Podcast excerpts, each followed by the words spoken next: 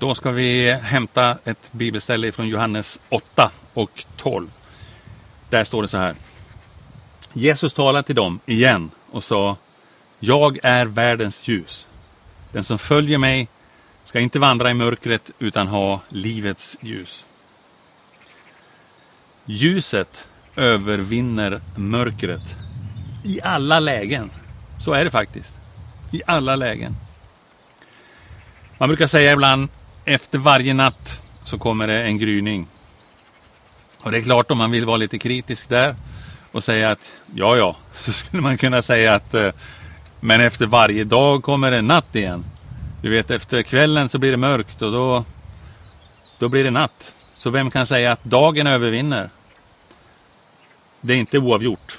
Man kan tänka det då. Natten är ju mörk och dagen är, är ljus. Men det är inte oavgjort. Ljuset vinner alltid över mörkret. Det är bara att testa. Gå till en garderobsdörr där hemma och så öppnar du den lite grann och tittar in där. Vad tror du kommer att hända? Ja, om det är ljust i ditt rum där du står och du öppnar den här dörren, då kommer du att se hur ljuset strömmar in i garderoben. Ljuset övervinner mörkret i garderoben. Det är inte så att garderobsmörkret strömmar ut i rummet och gör det mörkare i det rum där du stod.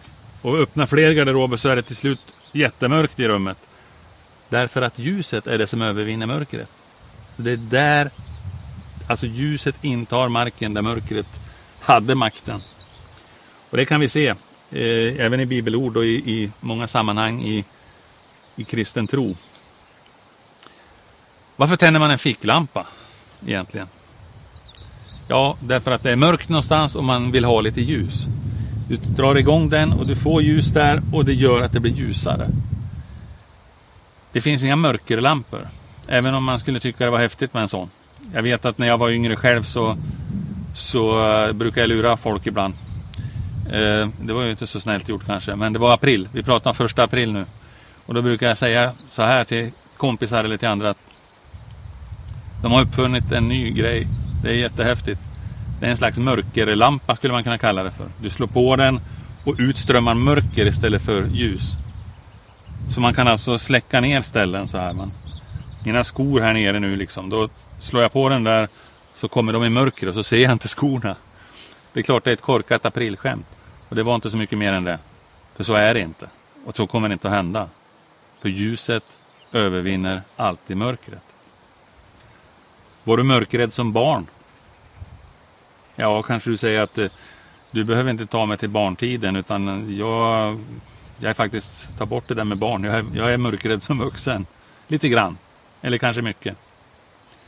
Man liksom kan ta bort den här rädslan bara genom att tända en liten lampa någonstans. Man kan ha en nattlampa igång i huset eller i rummet och bli genast lite lugnare ifall man är rädd för mörkret av någon anledning. Man kan eh, Ja, går man ner till barntiden då handlar det om att stänga dörrar runt om, omkring det för att det inte skulle komma ut något farligt ur de här olika eh, rummen eller garderoberna eller vad man har på sitt rum där. Det finns en historia som du kanske har hört som handlar om tre stycken hantverkare som bråkar lite grann om vilket yrke som har de längsta anorna. Vilka har hållit på längst egentligen? Är det muraren? Eller är det snickaren? Eller är det elektrikern? Ja, det kan man ju tänka då. Det borde ju inte vara elektrikern.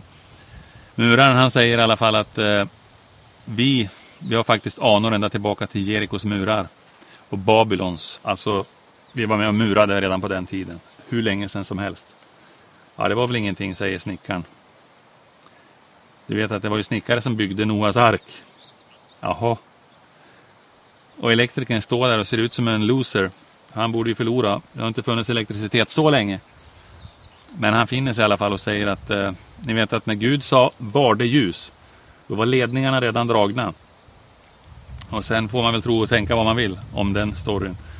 Eh, för det tror jag inte att det var så mycket ledningar. Men faktum är att det första Gud säger där i skapelsen är var det ljus. Han ligger bakom ljuset i alla sammanhang. Han är inte bakom mörkret. Mörkret har oftast någonting skrämmande över sig. Jaha, då kanske du säger nej, lugna dig lite nu. Det För mig är det mysigt. Jag tycker det att det är mysigt med lite mörkt. Ja, det kan hända. Eh, och det kan jag också tycka till och från. Men om du tänker efter så är det ju faktiskt när det är kontrollerat mörker som du tycker att det är lite mysigare. Eller? Du kanske har något litet ljus igång. Eller du kanske har eh, liksom valt att dimma ner det hela på en viss nivå. Och då känner du att det här är lite mysigare. Ja, så på ett sätt kan mörkret vara lite mysigt. Men inte när det tar över. Inte när det är totalmörker. Släcker du alla grejer så är det bara svart och du ser ingenting. Det tror jag inte du tycker är mysigt. Kanske tio minuter. Möjligen. Befinner du dig i någon form av mörker just nu? Det kanske du gör.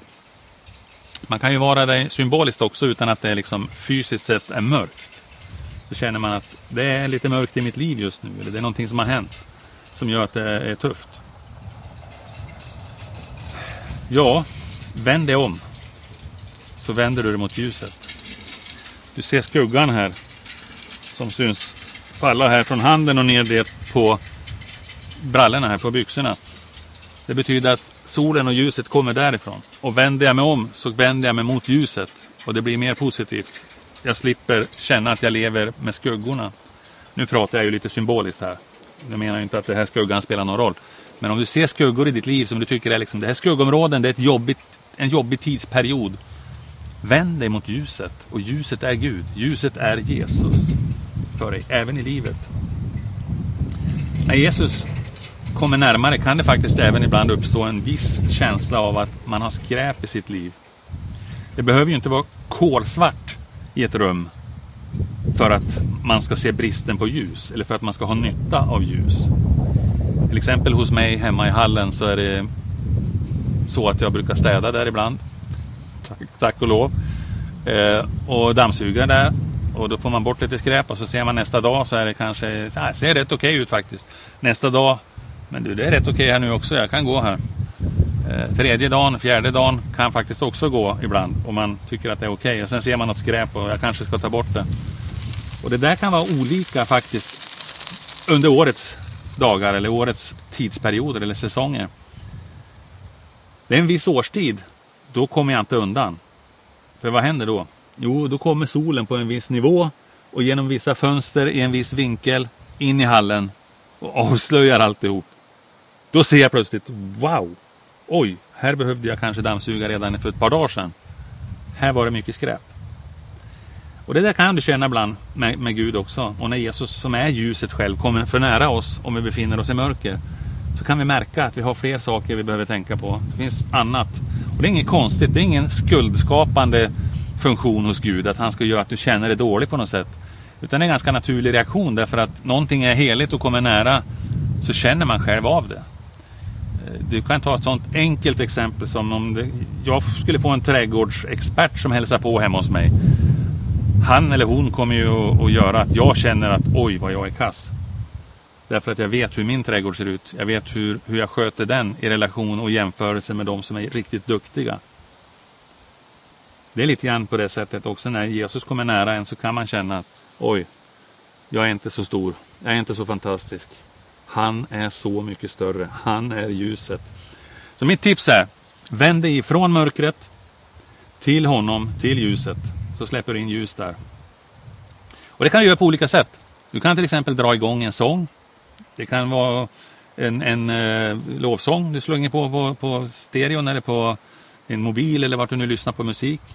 Det kan vara en, eh, en psalm eller någonting. Det kan vara en, en gospel med världens drag i. Det väljer du själv vad du har för stil och vad du, vad du gillar för musik. Men det kan lyfta dig. Det kan göra att eh, blott en dag eller något annat kan göra att din själ lyfter lite grann och du får mer ljus därför att du har vänt dig till honom. Du kan slå upp Bibeln, läsa några ord där och det kan ge dig ljus i situationen. Du kan blunda och då kommer det kanske kännas mörkare. För blundar man så blir det lite mörkare. Eller så tittar du eh, och ber en bön. Ta de ord du har. Ta de ord du orkar med. Eller du kanske inte ens behöver dra några ord överhuvudtaget. Du känner att du kan sucka till Gud eller du kan viska någonting. Eller kanske rent av ropa. Det spelar ingen roll. Det är du, honom du har vänt dig till och då får du vända det som du vill. Eller um, göra det på vilket sätt du vill. För är det någon som kan lyfta dig ut ur mörkret och ge dig mer ljus i din situation. Då är det han. Det är mitt tips och min hälsning till dig idag. Amen.